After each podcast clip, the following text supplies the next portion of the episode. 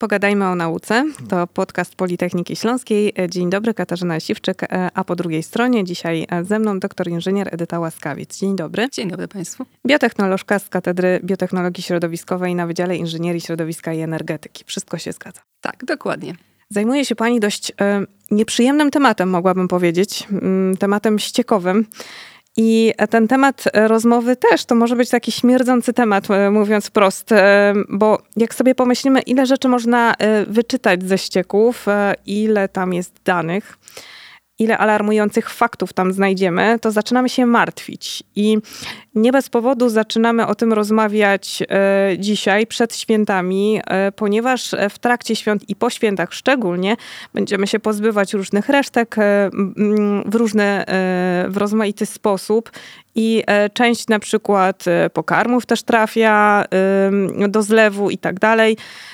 W związku z tym zaczynamy sobie zadawać pytanie, które z tych resztek i który sposób utylizacji jest w jakiś sposób e, niebezpieczny dla nas. E, I pani nas w ten temat teraz wprowadzi. E, co powinniśmy robić, na co zwracać uwagę, żeby nikt na tych, na tych resztkach nie ucierpiał? Myślę, że to jest właśnie dobry okres, żeby zastanowić się nad swoimi decyzjami codziennymi i też wyborami konsumenckimi, mm, bo okres świąteczny to jest ten okres, kiedy robimy dużo różnych zakupów, również tych jedzeniowych. I na pewno ten element y, tych resztek jedzenia, mm, które często nam zostaje po takich świętach, y, warto poruszyć, bo nie powinniśmy rzeczywiście do kanalizacji, mm, czy to do zlewu, czy do toalety, y, odprowadzać jakiejś większej ilości jedzenia. I to niekoniecznie związane jest z samym procesem oczyszczania ścieków, bo na świecie te resztki właśnie spożywcze wykorzystuje się do fermentacji beztlenowej, uzyskuje się z nich biogaz. No ale niestety y, nie w ten sposób transportuje się je do, do, do samej oczyszczalni. Mm, pro, poprzez kanalizację, czy poprzez właśnie ten, te rury, które mamy, czy to w domu, czy w mieszkaniu, aż do samej oczyszczalni, mm, to jest bardzo długo droga, którą często muszą te ścieki pokonać. I w tym momencie dochodzi już do e, pierwszych procesów oczyszczania, mm, a właśnie duża ilość czy to tłuszczy, czy różnych e, większych cząstek jedzenia może ten proces nieco zaburzyć. Już wtedy zachodzą procesy rozkładu, mm, mogą tworzyć się osady, które później utrudniają przepływ e, ścieków. No i w konsekwencji też zdarzają się oczywiście awarie mm, na sieci kanalizacyjnej, co często obserwujemy, że gdzieś e, służby mm, krążą i starają się właśnie wyczyścić te, te rury e, kanalizacyjne, aby udrożnić te przepływy. Więc pamiętajmy, że żeby we właściwy sposób te właśnie e, wszelkie odpady organiczne, odpady związane z jedzeniem, raczej odprowadzać e, właśnie do odpadów biodegradowalnych lub do odpadów zmieszanych, w zależności od tego, jakie to są odpady, Mm, a unikać odprowadzania ich właśnie do, do, do, kanalizacji. O tym, że może dojść do awarii to jedno, ale mówimy też o tym, że mogą się tworzyć jakieś osady. Jakieś niebezpieczne substancje też e, w ten sposób mogą się e, tworzyć e, w tej mm, gospodarce wodnej. No i pytanie, skoro tak jest, no to na co szczególnie powinniśmy zwracać uwagę, bo pani zajmuje się bardzo ciekawym aspektem, że niektóre takie specyfiki mają nawet wpływ na nasz klimat. E, jak to można sprawdzić? E, otóż e, te procesy oczyszczania ścieków mm, w zasadzie nie zmieniły się przez, przez lata, przez 100 lat, bo proces osadu czynnego, który wykorzystujemy w oczyszczaniach ścieków, mm, tak naprawdę od 1914 roku ma ten swój taki rdzeń biologiczny, taką podstawę, którą wykorzystujemy do dziś. Mm, zmieniły się wyzwania w tym okresie bo na początku myśleliśmy, że ścieki to jest tylko e, materia organiczna, fosfor, azot, e, które muszą być zutylizowane, muszą być te ścieki oczyszczone. Natomiast w miarę, jak rozwinęliśmy swoją działalność przemysłową, e, wszelkie usługi, gospodarkę, no to tych wyzwań dla ścieków stworzyliśmy coraz więcej. I oprócz takich e, wyzwań związanych z, z, naszym codziennym e, życiem, użytkowaniem na przykład e, produktów kosmetycznych, środków czystości, które trafiają do kanalizacji, farmaceutyków, które częściowo rzucamy, a częściowo po prostu bardzo dużo spożywamy, mm, Obok tego są też różne związki chemiczne, przemysłowe, tak zwane mikrozanieczyszczenia, które wpływają również na naszą gospodarkę hormonalną. Mm, cała gama e, mikroplastików i nanoplastików, które mm, pochodzą z różnych źródeł, bardzo różnych. No i też związków związanych z na przykład e, z przemysłem, e, z produktami codziennego użytku, z tworzywami sztucznymi, tak zwane wieczne zanieczyszczenia, ponieważ one z nami zostaną na lata, a kto wie, czy nie na wieki, bo mówi się również o E, dwóch tysiącach lat rozkładu takich związków. I e, oczyszczalnie ścieków stały się takim gorącym punktem, który zbiera te wszystkie zanieczyszczenia i stara się je oczyścić, usunąć e, i wygospodarować czystszą wodę, czystsze zasoby wodne, bo jednak musimy pamiętać, że gospodarka wodno-ściekowa to jest system naczyń połączonych, więc my tą wodę mm, musimy w jak najlepszej jakości zwrócić do środowiska i tam starać się ją zatrzymać. I to jest e, pytanie do nas, do y, takich zwykłych kowalskich. Y, co zatem, czego zatem nie powinniśmy robić, żeby nie pogarszać stanu ścieków? My potocznie mówimy oczywiście wody, tak, ale wszyscy wiemy, że chodzi o to, co po tej wodzie zostanie, czyli czego nie powinniśmy robić, jakie zachowania powinny nam się wpisać już na stałe w takie nasze codzienne funkcjonowanie. Już wiemy, że absolutnie leki nie powinny być utylizowane w taki sposób, że trafiają do, do zlewu jakieś resztki, e, nazywajmy mm, to tak po prostu, jakiś syrop, tak, czy e, jakieś lekarstwa, które pozostały, nie powinniśmy ich w tej wodzie rozpuszczać. No to jedno, jakieś resztki kosmetyków, to drugie. Natomiast co jeszcze powinno być e, już w tej świadomości przeciętnego Kowalskiego zapisane tak grubymi literami? Warto zwracać uwagę na takie codzienne wybory konsumenckie, mm, bo na przykład jeżeli chodzi o całą gamę właśnie środków e, takiego codziennego użytku, mm, środków kosmetycznych, no to mamy tutaj szeroki wybór między mm, środkami, które są bardziej ekologiczne i mniej ekologiczne. Tu bym też chciała zwrócić uwagę na przykład na filtry UV, które rzeczywiście jest tam duża gama związków, które są e, wysoce toksyczne dla środowiska i kumulują się w tym środowisku. Mm, dlatego, a powinniśmy jednocześnie tą ochronę przeciwsłoneczną stosować jak najbardziej dla naszego bezpieczeństwa. Mm, natomiast unikać e, pewnych określonych substancji, na przykład związków z grupy benzofenonów, mm, które e, prawdopodobnie już spożywamy z mlekiem matki. Są takie szacunki, które pokazują, że niestety ten benzofenon mocno się kumuluje w naszych organizmach. Więc to są takie codzienne, niewielkie wybory. Pamiętajmy, że ochrona wód, ochrona lepszej jakości środowiska, to też zmniejszone zużycie wody. Mm, więc pamiętajmy o tym, aby sprawdzić, czy wszystkie krany, czy wszystkie spłuczki są szczelne, czy one nie przeciekają. Y, bo nawet takie mm, niewielkie, y, niewielkie codzienne y, czynności, jak na przykład ładowanie zmywarki we właściwy sposób, czy ładowanie pralki, mm, właśnie tej objętości dwóch trzecich, jest bardzo istotne i dla zasobów wodnych, ale też dla oszczędności energii. Skoro my rozmawiamy o tym, że te ścieki rzeczywiście y, później trzeba oczyszczać, one do oczyszczalni trafiają i my mamy świadomość, że przecież to są filtry i y, różne dzisiaj technologie pozwalają na to, że y, pozbywamy się tego, co najgroźniejsze y, no to właściwie w czym problem, tak? Y, skoro wszystko może załatwić y, jakaś y, nowoczesna forma oczyszczania. Myślę, że my przez wiele lat nie zdawaliśmy sobie świadomości ze skali tego problemu. I tak naprawdę nowoczesne metody analityczne trochę nam obnażyły jakość naszego środowiska i nieskuteczność technologii. Mm, bo jedną kwestią jest to, że w zamian za e, oczyszczone, oczyszczone ścieki, oczyszczę lepszą jakość wód, usunięcie e, związków biogennych, mm, dostajemy w gratisie e, wzrost gazów cieplarnianych w przypadku oczyszczania ścieków, bo ścieki są tutaj znaczącym źródłem światowych emisji. I w momencie, kiedy ten rozwój tej chemii analitycznej w przeciągu ostatnich 20 lat nastąpił, my dowiedzieliśmy, że te ścieki y, są znacznie bardziej skomplikowane niż nam się wydawało.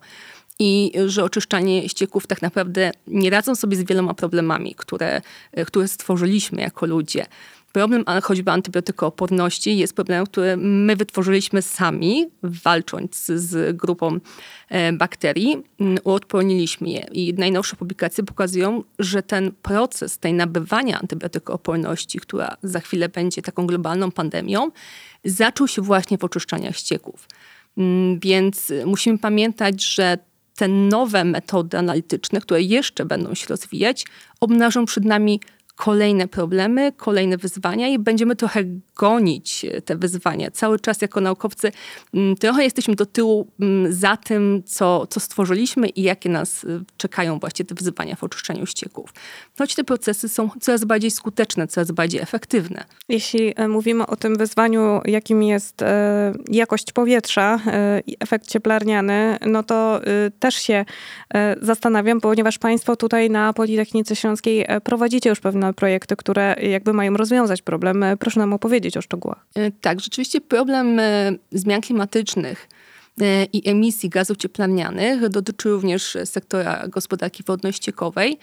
I tutaj tak naprawdę jest kilka dróg służących rozwiązaniu tego problemu, bo ścieki szacuje się, że są piątym największym na świecie źródłem emisji gazów cieplarnianych. I to nie tylko dwutlenek węgla, ale przede wszystkim metan i potlenek azotu, które są dużo bardziej y, cieplarniane, dużo silniejsze niż sam y, dwutlenek węgla. Mm, no i te rozwiązania skupiają się albo na zwiększeniu efektywności procesów y, oczyszczania ścieków, ale też na zwiększeniu energooszczędności. Na przykład w jednym z projektów, w projekcie SNIT prowadzimy mm, taki proces skróconej nitryfikacji, co oznacza pokrótce, że staramy się y, zminimalizować, skrócić ten proces y, usuwania azotu ze ścieków, E, dzięki czemu zaoszczędzić nieco energii na, na powietrzanie, bo bakterie w trakcie mm, procesów oczyszczania, procesów przemian azotu e, potrzebują bardzo dużo tlenu. E, więc w takim kraju jak Polska, gdzie ta energia bierze się głównie z węgla, to również zależy nam na tym, aby zmniejszyć zużycie tej energii. I to jest jedna z takich ścieżek. Te projekty obejmują również zwiększenie efektywności y, fermentacji metanowej, czyli procesu, w którym w beztlenowym y, rozkładzie tej biomasy, tego sadu ściekowego, uzyskujemy y, gaz, który może być wykorzystywany energetycznie, czyli metan, więc zależy nam na tym, aby zwiększyć jego udział. I tutaj e, współpracujemy po części z partnerami z Norwegii, którzy e, mają głównie osad rybi, e, więc dla nich to jest coś naturalnego, coś, co jest częścią ich gospodarki, ma ogromne znaczenie. A na nas na pewno jest to lekcja sobie radzić z bardzo trudnym odpadem. I oczywiście temu towarzyszą też projekty z zakresu gospodarki obiegu zamkniętego. I tutaj się może zatrzymajmy, bo też nie, nie wszyscy nasi słuchacze pewnie e, znają to sformułowanie. To jest tak zwane e, drugie życie jakiejś substancji, e, mówiąc prostym językiem. Rzeczywiście my możemy z tych ścieków wyciągnąć coś dobrego i przekształcić to w taki sposób, żeby to potem jeszcze służyło nam na naszą korzyść. Tak, rzeczywiście przez lata działaliśmy w, tym, w tej gospodarce wodno-ściekowej w takim systemie linearnym, czyli Zbieraliśmy te ścieki, y, transportowaliśmy do oczyszczalni, oczyszczaliśmy, odprowadzaliśmy y, ścieki spełniające normy oficjalne. A dzisiaj chcemy z nich coś dobrego A wyciągnąć dzisiaj jeszcze. chcemy dodatkowo y, właśnie te dodatkowe surowce wyciągnąć, bo szacuje się, że rocznie na świecie z takich, z takich ścieków oczyszczanych można by uzyskać 17 milionów ton azotu, 6 milionów ton potasu, fosforu, więc to są ogromne ilości pierwiastków, które mogłyby na przykład wykorzystane być rolniczo, mm, a nie są w tej chwili. A był z tym problem i swego czasu dyskutowało się o tym, więc e, oczyszczalnia ścieków e, może być również e, pewnego rodzaju fabryką. Pewną rodzaju fabryką surowców w Polsce. W tej chwili mamy trend bardziej w kierunku wykorzystania energii z oczyszczenia ścieków. W Poznań, Warszawa, Wrocław idą w tym kierunku, żeby odzyskać ciepło z tych procesów, bo mm, pakujemy tam dużo energii, pakujemy w procesy fermentacji metanowej mm, dużo temperatury podwyższonej, żeby tam było 35-37 stopni. Mm, no i e, w efekcie chcemy tą energię później odzyskać po tych procesach. I właśnie te największe miasta e, prowadzą w tej chwili duże inwestycje, które e, pozwolą im na ten odzysk ciepła i częściowo pokrycie zapotrzebowania mieszkańców miast. Czyli już po powiedzieliśmy sobie, wyjaśniliśmy to, że mm, nie jest dziś tak, że tylko skupiamy się na tym, żeby oczyścić e, mm, ścieki i tak, żeby E, po oczyszczaniu e, trafiły one z powrotem i to jest jedyna wasza funkcja też jako ekspertów, którzy tym tematem się zajmują, bo dzisiaj okazuje się, że możecie taką bazę danych utworzyć, analizując to, w jakim stanie te ścieki są, że my łapiemy się za głowę. Na przykład, kiedy przeczytałam, że mm, możecie państwo wyczytać ze ścieków, zbliża się kolejna epidemia. To brzmi dość enigmatycznie. Y, tak, rzeczywiście pandemia COVID y, przyniosła coś dobrego. Możemy to powiedzieć, że y, w zakresie rozwoju metod biologii molekularnej i tej epidemiologii opartej na ściekach, to rzeczywiście pandemia COVID z, zrobiła nam takie ćwiczenia na żywym organizmie. Ale w jaki sposób to sprawdzić? Już w 2000, na początku 2020 roku w Holandii 5-6 mm, dni przed potwierdzeniem pierwszego przypadku zakażenia w tym kraju, e, naukowcy laboratorium e, w ściekach e, wyizolowali koronawirusa. Więc już widzieliśmy, że ten potencjał jest, że możemy z wyprzedzeniem co najmniej kilku dni sprawdzić, czy ten wirus za chwilę się pojawi w jakimś mieście, w jakiejś dzielnicy, bo możemy również wydzielać mniejsze obszary, bo ten koronawirus, który jest, y, który, który chorujemy, mm, połykamy wraz ze śliną, on gdzieś tam w naszych drogach oddechowych bytuje, no i wydalamy z siebie. Wydalamy wraz z naszym moczem, wraz z naszym kałem, przy czym kał jest takim głównym y, źródłem tego koronawirusa. No i wędrują sobie do kanalizacji i na oczyszczalnię ścieków. I oczywiście ten sam proces wyizolowania tego koronawirusa mm, jest trudny, bo mamy y, skomplikowaną matrycę wielu zanieczyszczeń. Więc naukowcom zajęło to sporo czasu i, i prób i błędów, aby przez te kolejne 2-3 y, lata rzeczywiście te metody analizy udoskonalić. Ale dziś wykorzystywane są one do śledzenia przypadków polio, y, do śledzenia przypadków mpox, czyli małpiej ospy. Mm, a mamy nadzieję, że te metody również będą dopracowane dla śledzenia wirusa odry choćby. E, bo nawet WHO zauważyło, że rzeczywiście ten potencjał e, w analizie ścieków jest ogromny i są takie zalecenia już ze strony WHO, aby zwiększyć kontrolę ścieków pod względem e, właśnie epidemiologii. My mówimy, że są takie możliwości. Natomiast e, pytanie, czy e, w krajach jest to wykorzystywane już e, do tego stopnia, że na przykład jakieś jednostki regularnie każdego dnia sprawdzają, no, jak sytuacja się ma w ściekach, jeśli chodzi na przykład o jakiś stan chorobowy. Rzeczywiście przez ostatnie te 2-3 lata 200 uniwersytetów, prawie 4000 instytucji w 70 krajach wykorzystywało ścieki do śledzenia tego koronawirusa. Ale problemem e, głównym tutaj jest, e, że tylko 18 z tych instytucji dzieliło się szeroko danymi na ten temat. I myślę, że taki, że to jest największy problem, że my wciąż nie mamy takiej siatki, która pozwoliłaby nam na e, szerszą analizę i szerszy dostęp, który pozwoliłby wykorzystać te informacje przez ochronę y, zdrowia, przez tutaj służby zdrowia do planowania i do zarządzania strategią w, w kolejnych y, falach na przykład y, takiej pandemii. Czyli chociaż mamy takie możliwości, to nie do końca z nich korzystamy. Wydaje mi się, że nie do końca z nich korzystamy. Tu też pozostają oczywiście poruszane kwestie etyczne, bo o ile w przypadku tych badań wymazowych każda osoba do, z własnej woli idzie i bada się, czy ma wirusa i ewentualnie poddaje się kwarantannie, e, leczeniu i tak hospitalizacji w zależności od przebiegu. O tyle w przypadku ścieków my się nie godzimy nie mamy świadomości na to, e, w jaki sposób ktoś wykorzystuje informacje na temat naszego zdrowia. Natomiast te bazy danych e, to nie są bazy danych tylko z naszego domu, mhm. tak, czy mieszkania, to jest jakaś ogólna baza, czy oczyszczalnia. Tak, są to bazy danych dla naszej dzielnicy, dla naszej ulicy mogą być zagęszczane. Rzeczywiście Chińczycy wykorzystywali te dane do na przykład y, zamykania poszczególnych dzielnic Szanghaju i wiele osób miało o to pretensje, bo nawet niewielka ilość tego koronawirusa w ściekach powodowała, że ludzie byli miesiącami zamknięci w domu, pomimo, że byli zdrowi.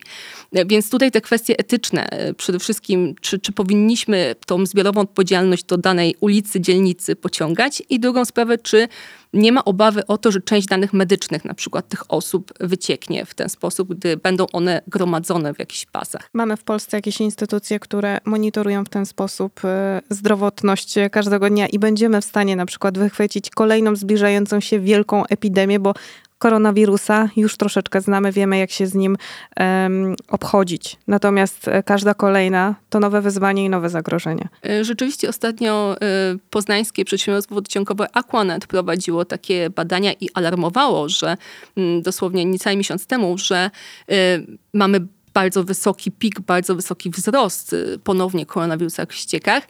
Natomiast musimy pamiętać, że to są osoby zarówno objawowe, jak i bezobjawowe, więc y, my w większości może y, jesteśmy uodpornieni na tego wirusa i na ten wariant y, i nawet nie możemy mieć świadomości, że go wydalamy z naszego organizmu. Mm, I to pokazuje, że mm, ta epidemiologia oparta na ściekach y, jest ważną informacją, ale też nie, może, y, nie możemy się to nie ograniczać, więc tutaj y, nie pozostawiamy wszystkiego kwestii ścieków, ale też tej, tego zarządzania zdrowotnego ze strony testów i, i testowania konkretnych osób. Mm, no i problemem też, myślę, takim dużym tej epidemiologii opartej na ściekach może być to, że my nie zawsze znamy przeciwnika gdy rozesłano te próbki na początku 2020 roku do tych pierwszych laboratoriów, gdy wyizolowano koronawirusa, no to mieliśmy informację, czego szukamy. Mm, a często my nie mamy świadomości tego zagrożenia, które może nadejść, zanim e, zderzymy się z nim, no to rzeczywiście y, musimy, musimy się na niego przygotować i w przypadku y, nowych wyzwań, nowych chorób, też związanych ze zmianami klimatycznymi, bo musimy pamiętać, że y, w wyniku tych zmian klimatu y, rozprzestrzenianie się chorób będzie wzrastać i też zakres rozprzestrzeniania się chorób będzie wzrastać, więc warto inwestować w te metody, warto je wykorzystywać, Mm, ale warto mieć też na uwadze, że wciąż nie wszystko wiemy i ten y, ilość chorób odzwierzęcych znacząco wzrosła w XX-XXI wieku. Mm, także y, my wciąż nie wiemy, jakie, jakie zagrożenia mogą nas spotkać tak naprawdę. Wszystko wokół wody i w wodzie e, i w ściekach się kręci e, tak naprawdę. Dużo ważnych informacji jest tam zapisanych, dużo ważnych informacji możemy stamtąd wyciągnąć i o tym e, wszystkim rozmawialiśmy dzisiaj z naszym gościem. Bardzo dziękuję za rozmowę. Dziękuję serdecznie. Właściwie z gościnią, doktor inżynier Edyta Łaskawiec była z nami. Bardzo dziękuję.